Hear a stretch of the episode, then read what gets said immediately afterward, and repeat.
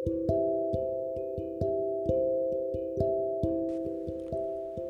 gün haqqında danışacağım bir film və bu filmdə baş verən hadisələrin e, mənim yaşadığım coğrafi ərazidə çox-çox illər öncə e, həyata keçməsini, e, orada yaşanılması təsadüfünü sizinlə bölüşəcəm. İzləmiş olduğum film türk istehsalı olan və rejissorluğunu Cenk Ertürkün etdiyi Nuh təpəsi adlanır. Nuh təpəsinin baş rol deməli aktyorları Haluk Bilginer və Ali Ataydır. Filmin çox maraqlı hekayəsi var. Belə ki, atasıyla münasibətləri heç də yaxşı olmayan bir oğul, yəni əslində ədəbiyyatın və kinematografiyanın da belə deyək, öyrəşdiyi bir xətt üzrə, yəni ata və oğul münasibətləri üzərinə gedir məsələ. Bunların münasibətləri heç yaxşı deyil, çox gərgindir araları. Oğlu həyatında baş verən bütün uğursuzluqların səbəbi kimi öz atasını görür. Atası isə çox uzun illər əvvəl, yəni uşaqlıq vaxtında yaşadığı kənddə bir ağac əşliyini iddia eləyir və ən son arzusunun bu ağacın altında basdırılması olduğunu deyir.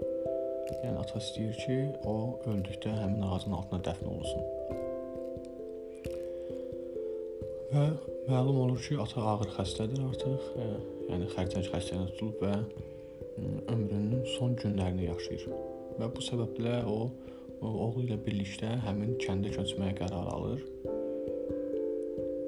hansı ki, o kənddə o kənddə uşaqlığını keçirib və ağacı da orada əkib. Ata artıq 60-lı, 70-li yaşlarda olur və iddiası üzrə o ağacı o 50-60 il, yəni öncə əkib, hardasa 10, 11-12 yaşına təsadüf edir bu da. Və onlar artıq həmin qəsəbəyə, həmin kəndə daxil olduqda böyük bir izdihamla qarşılaşırlar. Görürlər ki, böyük bir insan axını bura 200, 300 hətta artıq deməli insan bir istiqamətə doğru gedirlər. Və ata oğlundan maşını saxlamağı xahiş edir. Oğlu maşını saxladıqda ata bu izdihamın arxasında getməyə başlayır.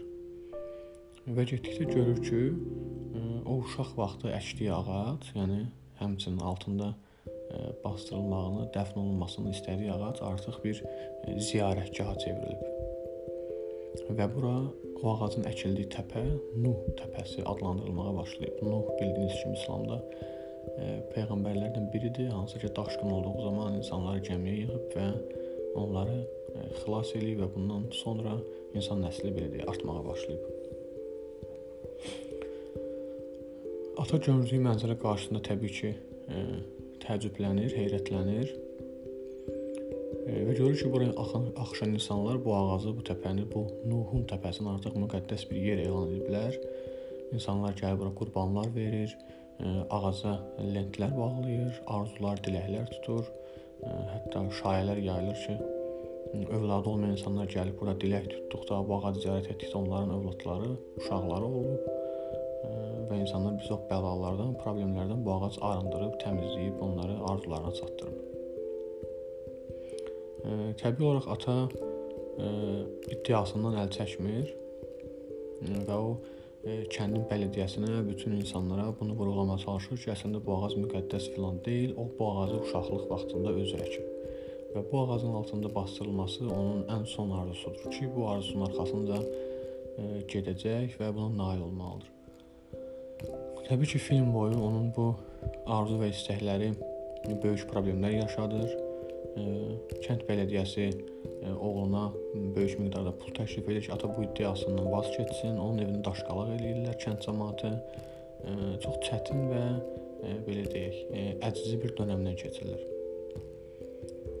Amma bu ağac Nuh təpəsi, Nuh ağacı olaraq da qalır və filmi izlədikdən sonra orada hansı nəticənin hasil olduğunu, filmin sonunda nə baş verdiyini özünüz görəcəksiniz ki, çox maraqlı və həddindən artıq belə deyim, özünə məxsus bir filmdir. Amma mənim filmdən ən əsas təsirlənmə səbəblərindən biri mən e, deməli Şəmkir rayonunun e, Yenəbat kəndində böyük başa çatsam da, oranın çox qəribə bir e, tarixi hekayəsi var əslində. Deməli bu kəndin e, yaxınlığında e, başqa bir kənddə belə deyək 400-500 metr aralıqda yerləşən bir ərazidə bir gün bir e, təpə təpə peyda olur. Əslində bu təpə var idi orada. Və bu təpəni Nuh təpəsi adlandırmağa başlayırlar.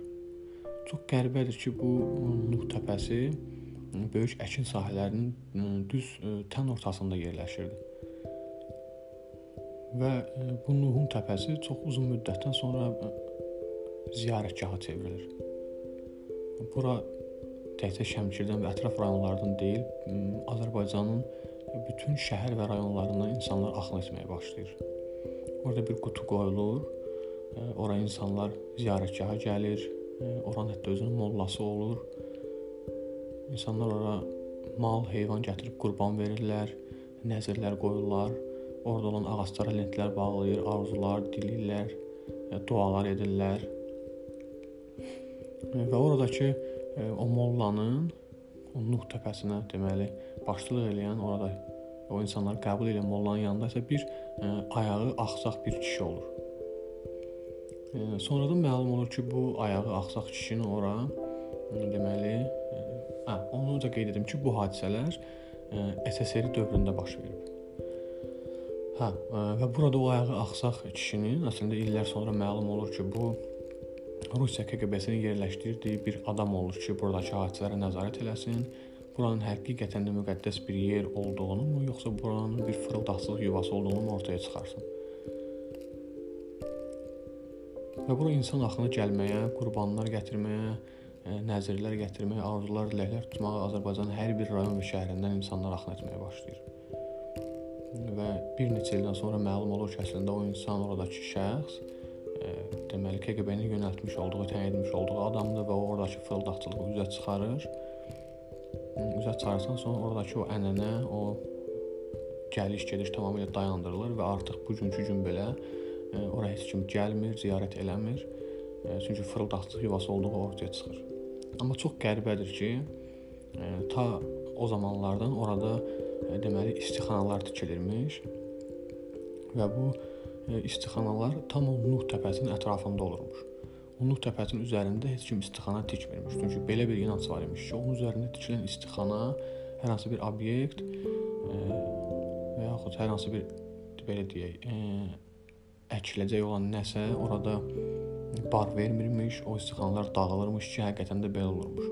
E, və bu gün belə onun təpəsinin üzərində heç bir şey tikilmir və heç nə əkilmir orada. Bu əslində çox maraqlı və belə deyək, çox qəribə bir hadisədir. Çünki film 2019-cu e, ildə çəkilib, amma hadisələr baş verib 1900-cü e, illərdə, yəni SSR dövründə.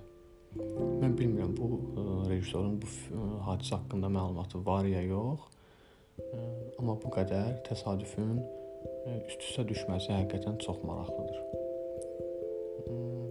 Və bu yaxınlarda bu yaxınlarda ümumən hər zaman müzakirə etdiyimiz bir mövzu var ki, insanların mütləq ümid etdiyi və inandığı bir yer olmalıdır. Amma bu ümid və inandığımız yer e, özündə məntiq barındırmalıdırmı? Müqəddəs kitablar bizə sorğulama, sadəcə inan deyir. Amma bizim düşüncələrimiz və məntiqimiz bizə nə deyir? E, ən əsas buna hədəflənmək lazımdır. Xoş düşüncələr, gəlin görüşlərə dək.